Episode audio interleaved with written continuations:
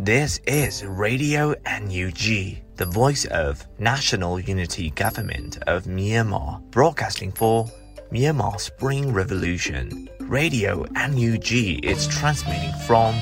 shortwave 16 meter 17.79 megahertz at 8:30 a.m. and 25 meter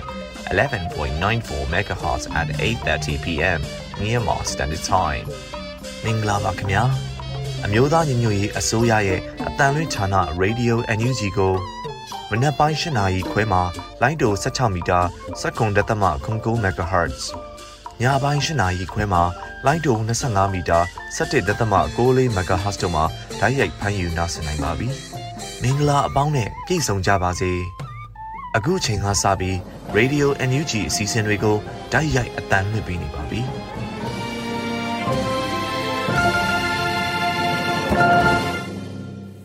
မြန်မာနိုင်ငံသူနိုင်ငံသားအပေါင်းတဘာဝပြီးစစ်အာဏာရှင်ပြည်တို့ကနေကင်ဝေးကြီးဘေးကင်းလုံခြုံကျန်းမာကြပါစေလို့ရေဒီယိုအယူဂျီဖွဲ့သားများကဆုတောင်းမြတ်တာပို့သလိုက်ရပါတယ်ရှင်။ပထမဆုံးအနေနဲ့ကကိုရင်ဝင်ကြီးဌာနရဲ့စီရေးသတင်းချင်းချုပ်ကိုဖုံးမြတ်လွေဦးမှတင်ပြပေးမှာဖြစ်ပါတယ်ရှင်။အမျိုးသားညီညွတ်ရေးအစိုးရ ကာကွယ်ရေးဝန်ကြီးဌာနမှထုတ်ဝေသောစီရေးသတင်းအချင်းချုပ်ကိုတင်ဆက်ပေးတော်မှာဖြစ်ပါတယ်။စစ်ကောင်စီနဲ့တိုက်ပွဲဖြစ်ပွားမှုသတင်းများမှာကရင်ပြည်နယ်2022ခုနှစ်မတ်လ28ရက်နေ့မြဝတီမြို့နယ်မြဝတီဝေါ်လီကာလမ်းပေါ်တေဘော့တိုးကြီးရွာသို့ကျူးကျော်ဝင်ရောက်လာသောစစ်ကောင်စီစစ်ကြောင်းနှင့်ကော်ဘရာစစ်ကြောင်းတို့ထိတွေ့တိုက်ပွဲဖြစ်ပွားခဲ့ပြီးကော်ဘရာစစ်ကြောင်းမှ60မမလက်နက်များဖြင့်ပစ်ခတ်ချေမှုန်းခဲ့ရာစစ်ကောင်စီတပ်သား73ဦး သေဆုံးခဲ့သည်2022ခုနှစ်မတ်လ29ရက်နေ့နေ့လယ်ပိုင်း၌ကရင်ပြည်နယ်မြဝတီမြို့နယ်မြဝတီဝေါ်လီကာလမ်းပေါ်တေဘော်တို့ကြေးရွာသို့ကျူးကျော်လာသောစစ်ကောင်စီစစ်ကြောင်းကိုကော်ဘရာစစ်ကြောင်းမှတိုက်ခိုက်ခဲ့ရာလက်ပြောင်စနိုက်ပါစစ်တီများ၏စမ်းဆောင်မှုဖြင့်စစ်ကောင်စီမှ6ဦးသေဆုံးခဲ့ကြောင်းသတင်းရရှိသည်2022ခုနှစ်မတ်လ30ရက်နေ့ကရင်ပြည်နယ်ကြုံတိုးနှင့်ကော့ကရိကြားခုနှစ်တိုင်လမ်းဖြောင်းနေရ၌ အကြမ်းဖက်စစ်ကောင်စီက3ဦးစီးကို KNL ကြားပြူတက်ခွဲ3နှင့်ဂလုံပူးပေါင်းတပ်ဖွဲ့မှမိုင်းဆွဲခဲ့ရာစစ်ကောင်စီကားတစ်စီးမြောင်းနေကြက2ဦးသေ6ဦးဒဏ်ရာရရှိကြောင်းသိရှိရသည်စကိုင်းတိုင်းမှာ2022ခုနှစ်မတ်လ29ရက်နေ့စကိုင်းတိုင်းပင်လယ်ဘူးမြို့နယ်ကပနာကြီးရွာဖျားသုံးစုအနီး၌စစ်ကောင်စီတပ်သားများနှင့်ကောလင်းခရိုင် PDF တပ်ရင်ပင်လယ်ဘူးမြို့နယ်ပကဖပူးပေါင်းတပ်ဖွဲ့တို့ ထိတွေ့တိုက်ပွဲဖြစ်ပွားခဲ့ရာ PDF ရဲဘော်တအူကြာဆုံးခဲ့၍စစ်ကောင်စီမှစစ်ဗိုလ်တအူကြာဆုံးခဲ့ကြောင်းသတင်းရရှိသည်မကွေးတိုင်းမှာ2022ခုနှစ်မတ်လ30ရက်နေ့မြိုင်မြို့နယ်စူးဝင်းလန်းခွဲအနီးမြိုင်ဗဟန်းလမ်းမကြီးပေါ်ရှိဗဟင်းနိုင်တပ်ဆွဲထားသည့်စစ်ကောင်စီလက်အောက်ခံရဲစခန်းသို့စစ်ကူလာသည့်စစ်ကောင်စီတပ်သားများအား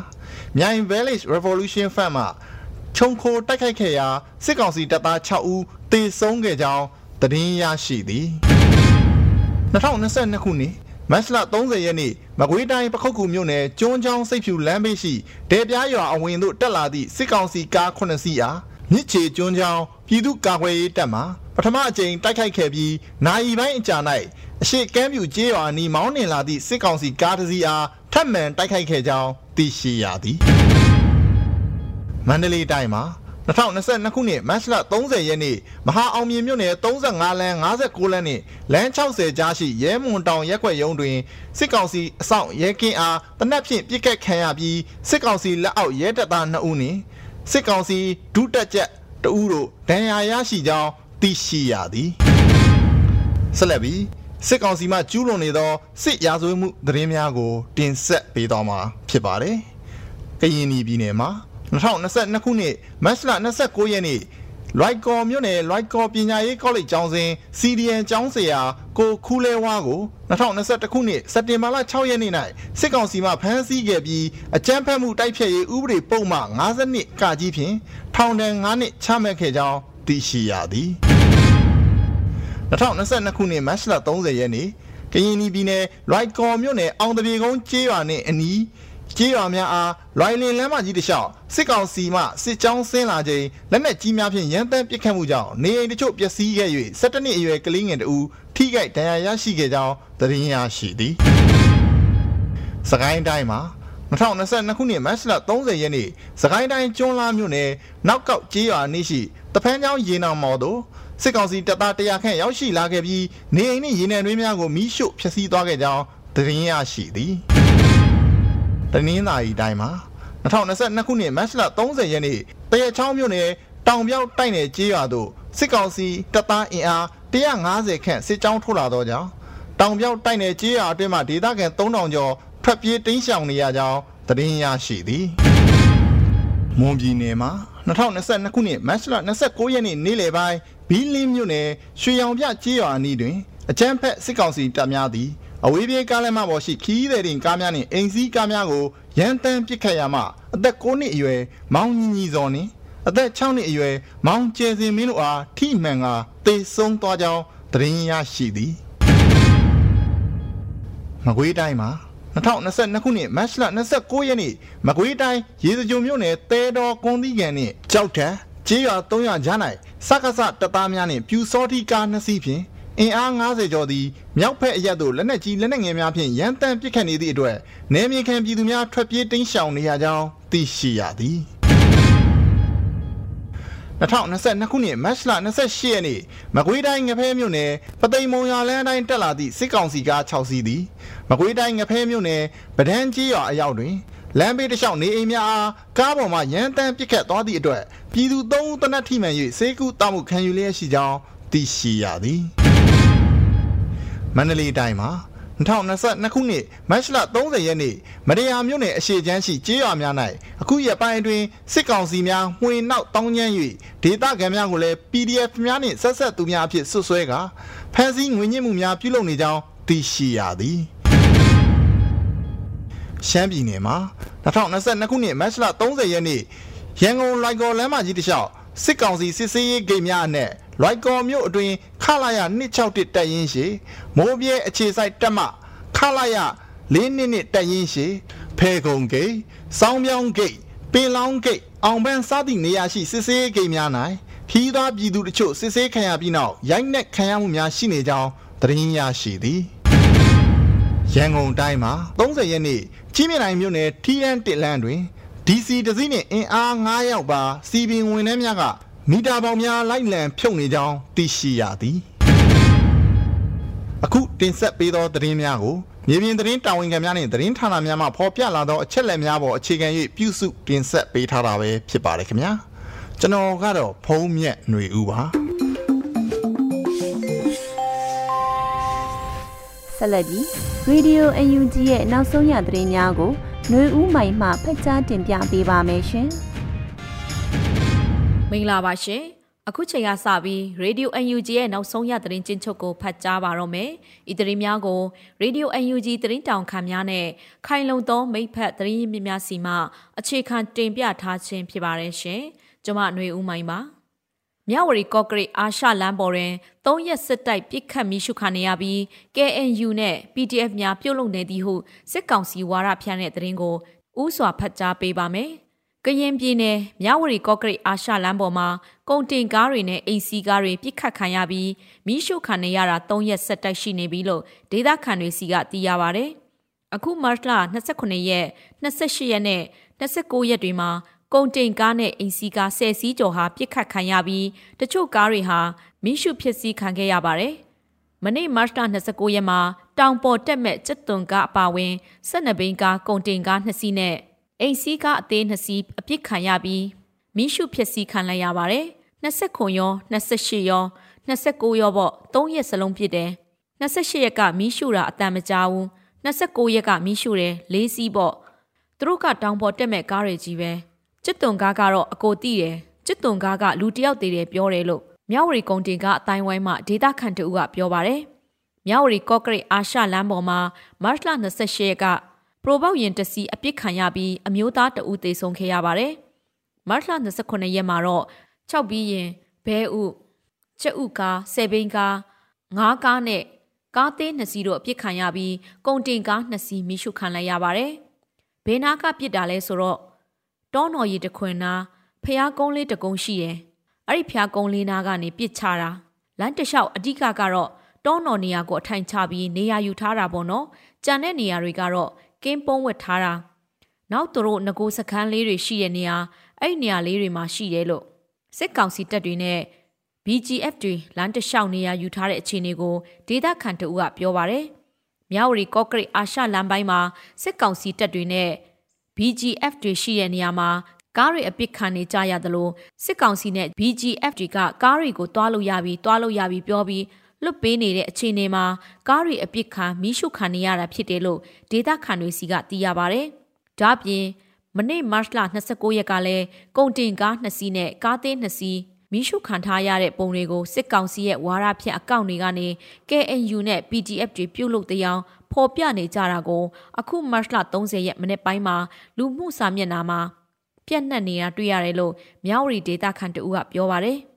မြဝတီကော့ကရိတ်အာရှလမ်းပေါ်မှာအခုမတ်လ12ရက်က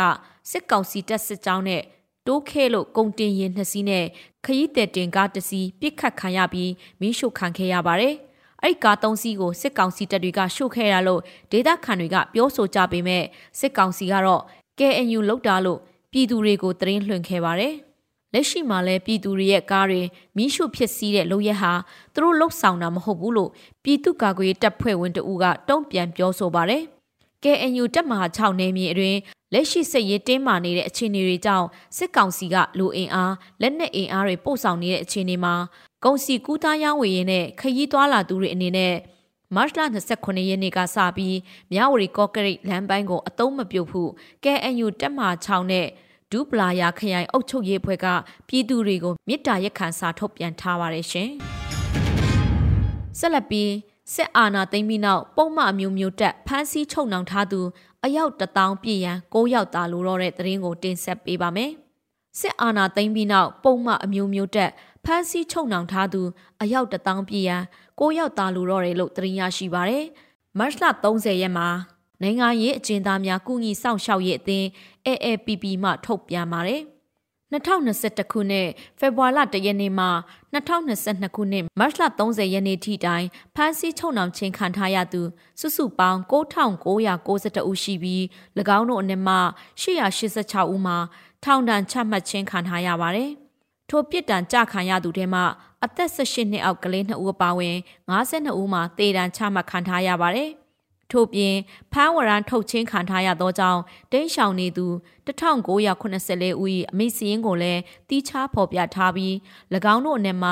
မျက်ကွယ်တေတံချမှတ်ခြင်းခံထားရသူ39ဦးအပါအဝင်118ဦးမှာမျက်ကွယ်ပြစ်ဒဏ်ချမှတ်ခြင်းခံထားရပါတယ်။ထို့ကြောင့်တေတံချမှတ်ခံထားရသူစုစုပေါင်း62ဦးရှိပြီဖြစ်ပါတယ်။ လက်ရှိမှာစစ်ကောင်စီဟာတေတံချမှတ်ထားသူများကို အမှန်တကယ်ကြိုးမိန်ပေးနိုင်ဖို့လှုံ့ဆော်နေလက်ရှိတယ်လို့လည်းသတင်းရရှိပါရရှင်။ဆက်လက်ပြီးရဲစခန်းများကို PDF များလာသိမ်းပါကထွက်မပြေးရန်ညွှန်ကြားထားတဲ့စစ်ကောင်စီရဲ့လှုပ်ဝက်ညွှန်ကြားစာပေါက်ကြားတဲ့သတင်းကိုဖတ်ကြားပေးပါမယ်။ရဲစခန်းများကို PDF များလာသိမ်းပါကထွက်မပြေးရန်ညွှန်ကြားတဲ့စစ်ကောင်စီရဲ့လှုပ်ဝက်ညွှန်ကြားစာပေါက်ကြားခဲ့ပါတယ်။ မတ်လနောက်ဆုံးပတ်အတွင်းမှာညွှန်ကြားစာပေါက်ကြားမှုကိုမြန်မာ Police CDM Channel MPCC ကဖော်ပြခဲ့ပါတယ်။တက်တွင်ဖရဲသည့်ကျင်းနှန်းစာပေးဖို့တရင်ပေးချက်အရအကြမ်းဖက်စစ်ကောင်စီသည်ရဲစခန်းရဲကင်းများရှိရဲများအားစီးလုံးမှုပြက်ပြားခြင်းမရှိစေရန်နဲ့စခန်းသိမ်းတိုက်ပွဲများဖြစ်ပေါ်လာပါကလက်နက်ချညံ့ခံခြင်းများစခန်းစွန့်ခွာခြင်းများမရှိစေရန်ညွှန်ကြားချက်များထုတ်လက်ရှိကြောင်းသိရှိရပါတယ်လို့ဖော်ပြပါတယ်။ အကြမ်းဖက်စစ်ကောင်စီလက်အောက်ရှိရဲတပ်ဖွဲ့ဝင်များအနေဖြင့်ပြည်သူလူထုနှင့်အတူပူးပေါင်းပါဝင်လာနိုင်သည်များအားစစ်ကောင်စီမှရိမ့်မိလက်ရှိပြီး၎င်းတို့အားပြန်လည်တော်လှန်လာမည်ကိုစိုးရိမ်နေကြောင်းလည်းသိရပါတယ်ရှင်။ဆက်လက်ပြီး KNU အနေနဲ့ NCA အဖွဲ့ညီလာခံကိုတက်ရောက်ခဲ့ခြင်းမရှိဘူးလို့သိရပါတယ်။ထိုင်းနိုင်ငံချင်းမိုင်မြို့မှာ NCA ခေါ်ပြစ်ခတ်တိုက်ခိုက်မှုရစဲရေးလက်မှတ်ရေးထိုးထားတဲ့လက်နက်ကင်အဖွဲ့များထိတ်တီးညီလာခံကျင်းပနေတာမတ်လ29ရက်မှဧပြီလ2ရက်နေ့အထိဖြစ်ပါတယ်။ဒီပွဲမှာအခမ်းအနားဥဆောင်တဘာပတိအဖြစ်ဘိုးချုပ်ကြီးစောမူတူဆဲဖိုးရှမ်းပြည်ပြန်လည်ထူထောင်ရေးကောင်စီဥက္ကဋ္ဌဘိုးချုပ်ကြီးရွက်ဆက်နဲ့မွန်ပြည်သက်ပါတီဥက္ကဋ္ဌ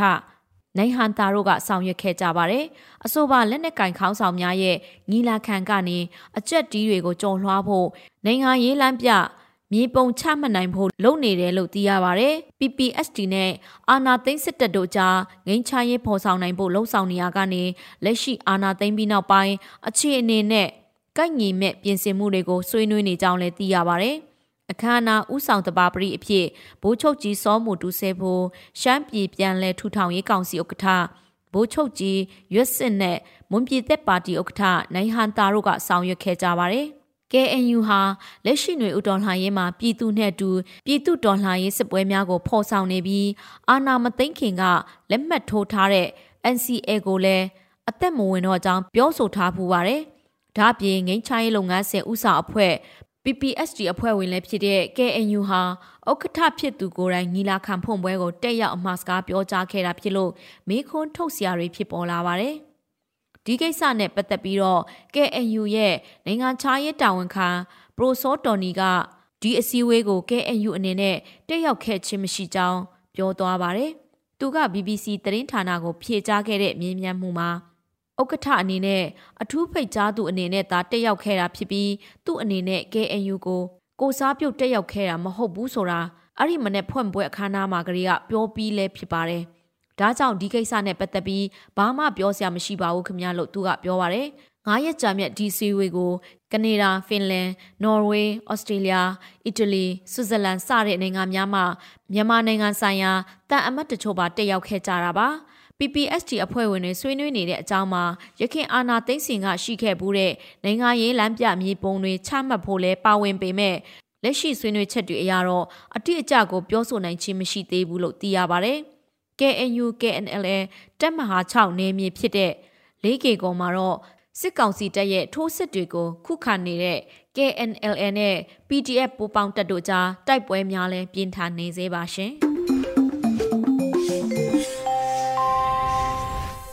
Radio UNG မှဆက်လက်အသံလွှင့်နေပါတယ်။အခုတခါ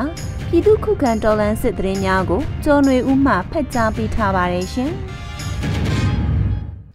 ပထမဆုံးအနေနဲ့မကွေးမြိုင်မြို့နယ်တိုက်ပွဲစစ်သား9ဦးသေဆုံးခဲ့တဲ့တဲ့တင်ကိုတင်ဆက်ပါမယ်။မကွေးတိုင်းမြိုင်မြို့နယ်စူဝင်လန်ကွယ်အနီးမြိုင်ဘဟင်းလမ်းမကြီးပေါ်မှာအကြမ်းဖက်စစ်ကောင်စီတပ်ဖွဲ့များနဲ့ပြည်သူ့ကာကွယ်ရေးတပ်ဖွဲ့များမတ်လ30ရက်နေ့နနက်9:30မိနစ်မှာလက်နက်ကြီးလက်နက်ငယ်များဖြင့်အပြန်အလှန်ပစ်ခတ်ခဲ့ပြီး စစ်သား9ဦးသေဆုံးခဲ့ကြောင်းမြိုင် Villages Revolution Front တပ်ဖွဲ့ထံမှသိရပါဗျ။အဆိုပါအကြမ်းဖက်စစ်ကောင်စီတပ်ဖွဲ့များကိုမြိုင် Villages Revolution Front MVRF တပ်ဖွဲ့ကလက်နက်ကြီးလက်နက်ငယ်များဖြင့်ပစ်ခတ်တိုက်ခိုက်ခဲ့တာဖြစ်ပြီးစစ်ကောင်စီဘက်မှလည်းပြန်လည်ပစ်ခတ်ခဲ့တာကြောင့် MVRF တပ်ဖွဲ့ဝင်တအူထိခိုက်ဒဏ်ရာရရှိကာစစ်သား9ဦးသေဆုံးခဲ့တာပါ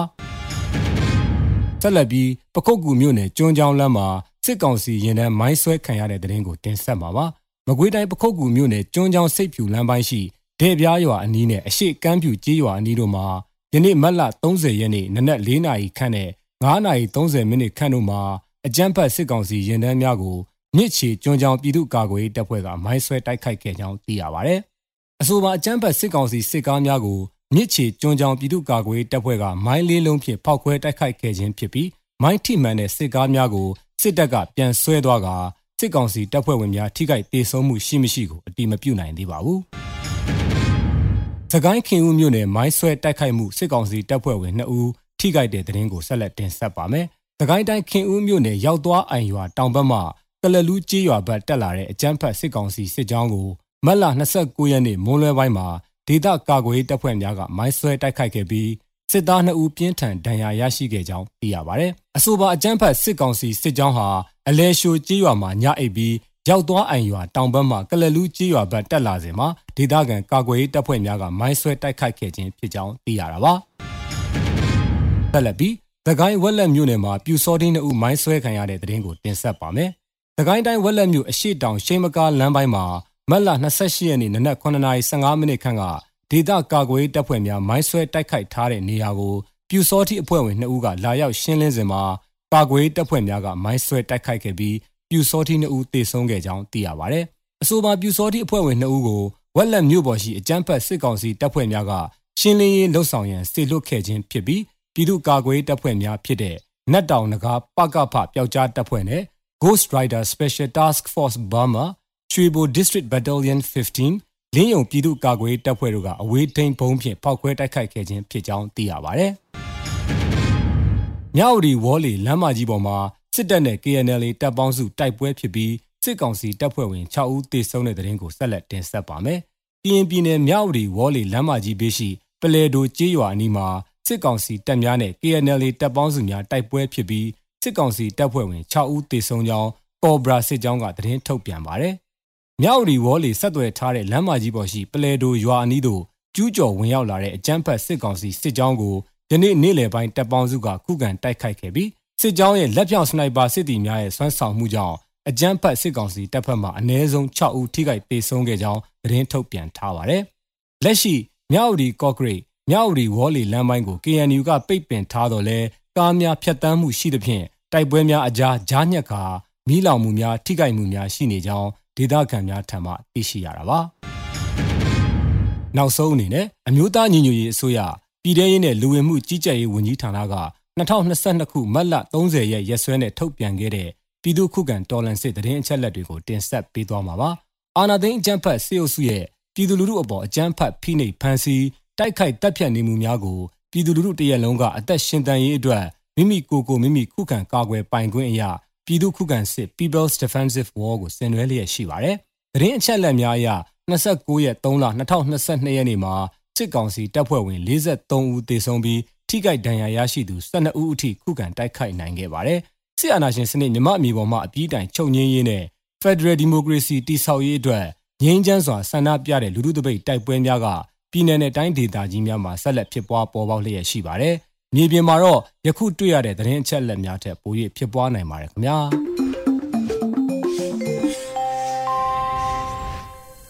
ဆက်လက်ပြီးမိုးလေဝသအစီအစဉ်အနေနဲ့မုန်တိုင်းငယ်ဖြစ်ပေါ်လာပါကရွေရှားနိုင်သည့်လမ်းကြောင်းခံမှန်းချက်ကိုရန်နိုင်မှတင်ဆက်ပေးမှာဖြစ်ပါတယ်ရှင်။2022ခုနှစ်ဧပြီလ9ရက်နေ့တွင်မုန်တိုင်းငယ်ဖြစ်လာပါကရွေရှားနိုင်သည့်လမ်းကြောင်းခံမှန်းချက်30ရက်3လ2020 ထိုင်းပင်လယ်ကွေ့မှာ2022ခုနှစ်ဧပြီလ3ရက်နေ့မှာရွေရှားလာတဲ့လေဝေလိုင်းဟာကပလီပင်လယ်ပြင်သို့ဧပြီလ9ရက်နေ့မှာလီဘီယာနဲ့ရဝတ်အဖြစ်ရောက်ရှိလာနိုင်ပါတယ်။အဆိုပါလီဘီယာနဲ့ရဝတ်ဟာဧပြီလ6ရက်နေ့မှာမုန်တိုင်းငယ်အဆင့်သို့ရောက်ရှိလာနိုင်ပါတယ်။ဧပြီလ6ရက်နေ့ညနေကစပြီးဗုဒ္ဓမာကွေမြဝကျွန်းပေါ်ကမ်းရိုးတန်းတစ်လျှောက်နဲ့ကမ်းလွန်ပင်လယ်ပြင်တို့မှာလေတိုင်နှုံးဟာတနအီလရင်မိုင်40ခန့်တိုက်ခတ်နိုင်ပါတယ်။မုန်တိုင်းငယ်အရှိန်ကြောင့် ရေလိုင်းအမြင့်6ပေမှ9ပေခန့်အထိရောက်ရှိနိုင်ပါတယ်။မုန်တိုင်းငယ်ဟာဧပြီလ9ရက်နေ့မှာအနှဲငယ်ပိုအားကောင်းလာနိုင်ခြေရှိပြီးကိုကိုကျွန်းအနီးမှကပ်ပြီးအနောက်မြောက်ဘက်သို့ရွေ့ရှားသွားနိုင်ပါတယ်။မြဝကျွန်းပေါ်ဒေသရှိပြည်သူများအနေနဲ့သတိပြုသင့်ပါတယ်။ဧပြီလ10ရက်နေ့မှာမြောက်အနောက်မြောက်ဘက်စီသို့ဦးတည်ပြီးဘင်္ဂလားပင်လယ်အနောက်အလယ်ပိုင်းသို့ဆက်လက်ရွေ့ရှားသွားနိုင်ပါတယ်။ကပလီပင်လယ်ပြင်မှာလေဖိအားနဲ့ရန်ကုန်အဆင့်သို့ရောက်ရှိပါကတီးခြားထပ်မံ ထုတ်ပြန်ပေးသွားပါမယ်ခင်ဗျာ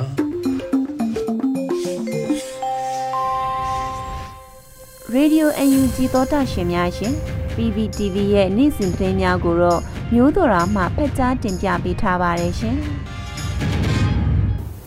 ပထမဆုံးတင်ဆက်ပေးမှာကတော့ပြည်ထောင်စုလွှတ်တော်ကိုစားပြုကော်မတီ CRPH ရဲ့ကော်မတီနဲ့အမျိုးသားညီညွတ်ရေးအစိုးရဝန်ကြီးဌာနအဖွဲ့တွေကြားတွဲဆုံဆွေးနွေးမှုပြုလုပ်တဲ့ဆိုတဲ့သတင်းမှာပြည်ထောင်စုလွှတ်တော်ကိုစားပြုကော်မတီ CRPH ရဲ့နိုင်ငံတကာဆက်ဆံရေးကော်မတီနဲ့အမျိုးသားညီညွတ်ရေးအစိုးရ လက်စစ်နဲ့စွမ်းအင်ဝန်ကြီးဌာနတို့ကြားတွဲဆုံဆွေးနွေးမှုကိုမတ်လ30ရက်ညနေ4နာရီမှာဗီဒီယိုကွန်ဖရင့်ကနေတဆင့်ကျင်းပပြုလုပ်ခဲ့ကြပါတယ်။ တွဲဆုံဆွေးနွေးပွဲမှာနိုင်ငံတကာဆက်ဆံရေးကော်မတီကဆောင်ရွက်လျက်ရှိတဲ့နိုင်ငံတကာဆက်ဆံရေးတန်တမာရေးတိုးမြင့်နိုင်ရေးကိစ္စရပ်တွေနဲ့ဆက်လက်ဆောင်ရွက်မဲ့ကိစ္စရပ်တွေအမျိုးသားညိုရေးအစိုးရလျှက်စစ်နဲ့စွမ်းရည်ဝန်ကြီးဌာနရဲ့တော်လှန်ရေးကာလဆိုင်ရာမူဝါဒဆောင်ရွက်ချက်တွေနဲ့ရှေ့လုပ်ငန်းစဉ်တွေအနာဂတ်ဖက်ဒရယ်ဒီမိုကရေစီပြည်ထောင်စုတည်ဆောက်ရေးမှာဝန်ကြီးဌာနရဲ့ကြိုတင်ပြင်ဆင်ဆောင်ရွက်နေမှုတွေ မြန်မာနိုင်ငံမှာယင်းနှိမြောက်နှံလျက်ရှိတဲ့လျှက်စင်းတဲ့စွမ်းအင်ဌာနရှိနိုင်ငံတကာကုမ္ပဏီတွေနဲ့ပတ်သက်တဲ့ကိစ္စရပ်တွေနိုင်ငံတကာကချမှတ်လျက်ရှိတဲ့အရေးယူပိတ်ဆို့မှုတွေနဲ့နိုင်ငံတကာအတိုင်းအဝန်းကိုဆက်လက်တွန်းအားပေးတောင်းဆိုဆောင်ရွက်သွားရမယ့်အချက်လက်တွေပေါ်ဆွေးနွေးခဲ့ကြတယ်လို့သတင်းထုတ်ပြန်ပါတယ်။တွေ့ဆုံဆွေးနွေးပွဲမှာပြည်ထောင်စုလွှတ်တော်ကိုစားပြုကော်မတီနိုင်ငံတကာဆက်ဆံရေးကော်မတီဥက္ကဋ္ဌတော်မြတ်သီရာထွန်းအဖွဲ့ဝင်ဦးစီသူမောင်ဗဏ္ဍာရေးရာကော်မတီအတွင်းရေးမှူးဦးဦးနေမျိုးထက်နိုင်ငံတကာဆက်ဆံရေးကော်မတီအတွင်းရေးမှူးဦးတင်ကိုကိုဦးနဲ့အဖွဲ့ဝင်များတက်ရောက်ခဲ့ပါတယ်။အမျိုးသားညီညွတ်ရေးအစိုးရလျှက်စစ်နဲ့စွမ်းအင်ဝင်ကြီးဌာနကတော့ပြည်ထောင်စုဝင်ကြီးဦးစိုးသူရထွန်းအတွင်းကိုဦးစောစံအေးတို့တက်ရောက်ခဲ့ကြတယ်လို့ပြည်ထောင်စုလွှတ်တော်ကိုစားပြုကော်မတီကသတင်းထုတ်ပြန်ထားပါတယ်။ ဆက်လက်တင်ဆက်ပေးမှာကတော့အမျိုးသားညီညွတ်ရေးအစိုးရက CDM တွေကိုဖိနှိပ်မှုပြုလုပ်နေတဲ့ non CDM ဝန်ထမ်းအရာရှိ318ဦးကိုအမြင့်ပြတ်စရင်သွင်းပြီးရာထူးကထုတ်ပယ်လိုက်တဲ့ဆိုတဲ့သတင်းမှာ အမျိုးသားညွရေးအစိုးရက CTM တွေကိုဖိနှိပ်မှုပြုလုပ်နေတဲ့စောက်လုပ်ရေးဝန်ကြီးဌာနက non CTM ဝန်ထမ်းအရာရှိ318ဦးကိုပြည်ထောင်စုဝန်ကြီးမန်းဝင်းခိုင်တန်းအမိန့်နဲ့အမည်ပြတ်စရင်သွင်းပြီးရာထူးကထုတ်ပယ်လိုက်တယ်လို့သတင်းထုတ်ပြန်ထားပါတယ်။အမည်ပြတ်စရင်နဲ့ရာထူးကထုတ်ပယ်ခံလိုက်ရတဲ့သူတွေဟာ CTM ဝန်ထမ်းတွေကိုဖိအားပေးတာချိန်ချောက်တာရာထူးထုတ်ပယ်တာတရားစွဲတာပြန်ဆက်ရမလိုတော့တဲ့ချေးငွေတွေကိုအတင်းအဓမ္မပြန်လည်ပေးဆောင်ခိုင်းခိုင်းတာအဆရှိတဲ့ဖိနှိပ်မှုအမျိုးမျိုးကိုလှုပ်ဆောင်နေတာဖြစ်တဲ့အတွက်ကြောင့်လို့သတင်းထုတ်ပြန်ချက်မှာဖော်ပြထားပါတယ်။ Selected စပေးမှာကတော့ CTM ပြုတ်လောက်လာမဲ့အကြမ်းဖက်စစ်သားတွေကိုလက်နဲ့အမျိုးအစားလိုက်စုချင်းဝေချီးမြှင့်ပြီးလွတ်မြောက်နေမြေကိုပို့ဆောင်ပေးမယ်လို့ KRF သတင်းကထုတ်ပြန်လိုက်တဲ့သတင်းပါ။ CTM ပြုလုပ်ပြီးပြည်သူရင်ခွင်ကိုခိုလုံလာမဲ့အကြမ်းဖက်စစ်သားတွေကိုလက်နက်အမျိုးအစားလိုက်စုချင်းငွေချိမြင့်မှာဖြစ်ပြီးတော့လွတ်မြောက်နေမြေကိုလည်းပို့ဆောင်ပေးမှာဖြစ်တယ်လို့ကြိုက်ထိုတော်လှန်ရေးအင်အားစု KRF ကသတင်းထုတ်ပြန်လိုက်ပါတယ်။ပြည်သူတွေကိုညှဉ်းပန်းနှိပ်စက်တပ်ဖြတ်နေတဲ့မင်းအောင်လှိုင်ဦးဆောင်တဲ့အကြမ်းဖက်စစ်တပ်အောက်မှာဆက်မလုပ်ပဲ CTM ပြုလုပ်မယ်ဆိုရင်ကြိုက်ထိုဒေါ်လှန်ရေးအင်အားစု KRF နဲ့ချိတ်ဆက်ကစုချင်းငွေယူပြီးချိတ်ဆက်ဖို့တိုက်တွန်းထားပါတယ်။လက်နက်ငယ်ဒလက်ယူဆောင်လိုက်ရင်သိန်း30ကျပ် RPG သုံးမဟုတ်40မမသုံးမဟုတ်60မမလက်နက်ကြီးတလက်ဆိုသိန်း90ကျပ် G box မဂဇင်းတကတ်ဆို9000ကျပ်လက်နက်ငယ်ကြီးစံ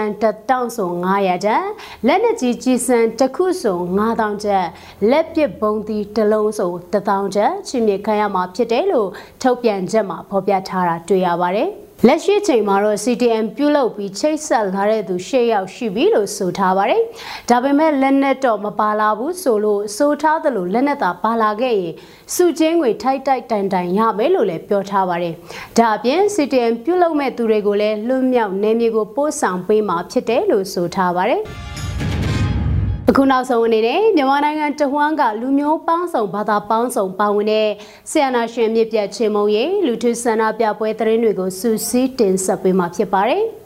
စကိုင်းတိုင်းရမပင်ခရိုင်ရမပင်မြို့နယ်ရမပင်အရှိချမ်းနဲ့စလင်းကြီးမြောက်ချမ်းတို့စုပေါင်းထားတဲ့ရွာပေါင်းစုံတပိတ်စစ်ကြောင်းကလည်းဒီနေ့မနေ့မှာဆီယနာရှင်စန့်ကျင်ရေး385ရက်မြောက်အဖြစ်ဆန္ဒပြတပိတ်ချီတက်ခဲ့ကြပါတယ်။ဆန္ဒပြပြည်သူတွေကတောင်တန်းမြေပြန့်အတူချီတက်ဖက်စစ်ဝါရအမြင့်ဖြတ်ဆိုတဲ့စားသားတွေကိုင်းဆောင်ပြီးတော့ဆီယနာရှင်စန့်ကျင်ရေးချီတက်ဆန္ဒပြလှည့်လည်ခဲ့ကြတာဖြစ်ပါတယ်။စကိုင်းတိုင်းအရာတော်မြို့နယ်ကပြည်သူတွေလည်းငါမြင်းဆောင်အရာတော်တပိတ်စစ်ကြောင်းအနေနဲ့ဆီယနာရှင်စန့်ကျင်ရေးကိုဒီနေ့မနေ့မှာပြုလုပ်ခဲ့ကြပါတယ်။ဆန္ဒပြပြည်သူတွေကတောင်တန်းမြေပြန့်အတူချီတက်ဖက်စစ်ဝါရအမြင့်ဖြတ်ဆိုတဲ့စားသားတွေကိုင်းဆွဲပြီးတော့ဆီယနာရှင်စန့်ကျင်ရေးဆန္ဒပြချီတက်လှည့်လည်ခဲ့ကြတာလည်းဖြစ်ပါတယ်။ လက်ပတောင်းတောင်ဒေသခံပြည်သူတွေကလည်းဒီနေ့မနေ့မှာဆီယနာရှင်စန့်ကျင်ရေးဆန္ဒပြတပိတ်ကိုပြုလုပ်ခဲ့ကြပါတယ်။ဆန္ဒပြပွဲကိုလက်ပတောင်းတောင်ဒေသခံပင်မတပိတ်ကော်မတီဝင်တွေနဲ့ဒီဘဲရင်တပိတ်ကော်မတီတို့ပူးပေါင်းပြီးလှုပ်ဆောင်ခဲ့ကြတာဖြစ်ပြီးတော့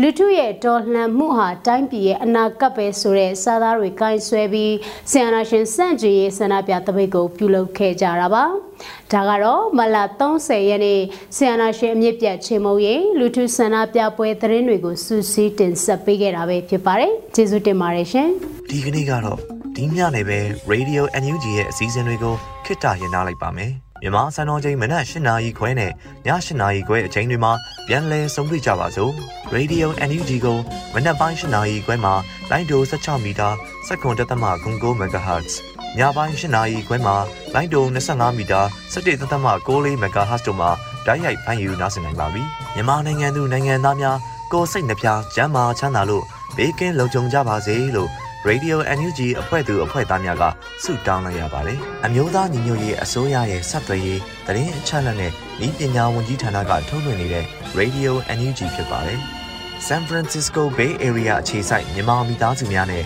နိုင်ငံတကာကစေတနာရှင်များလှုပ်အားပေးများရဲ့ Radio NUG ဖြစ်ပါတယ်။အရေးတော်ပုံအောင်ရမည်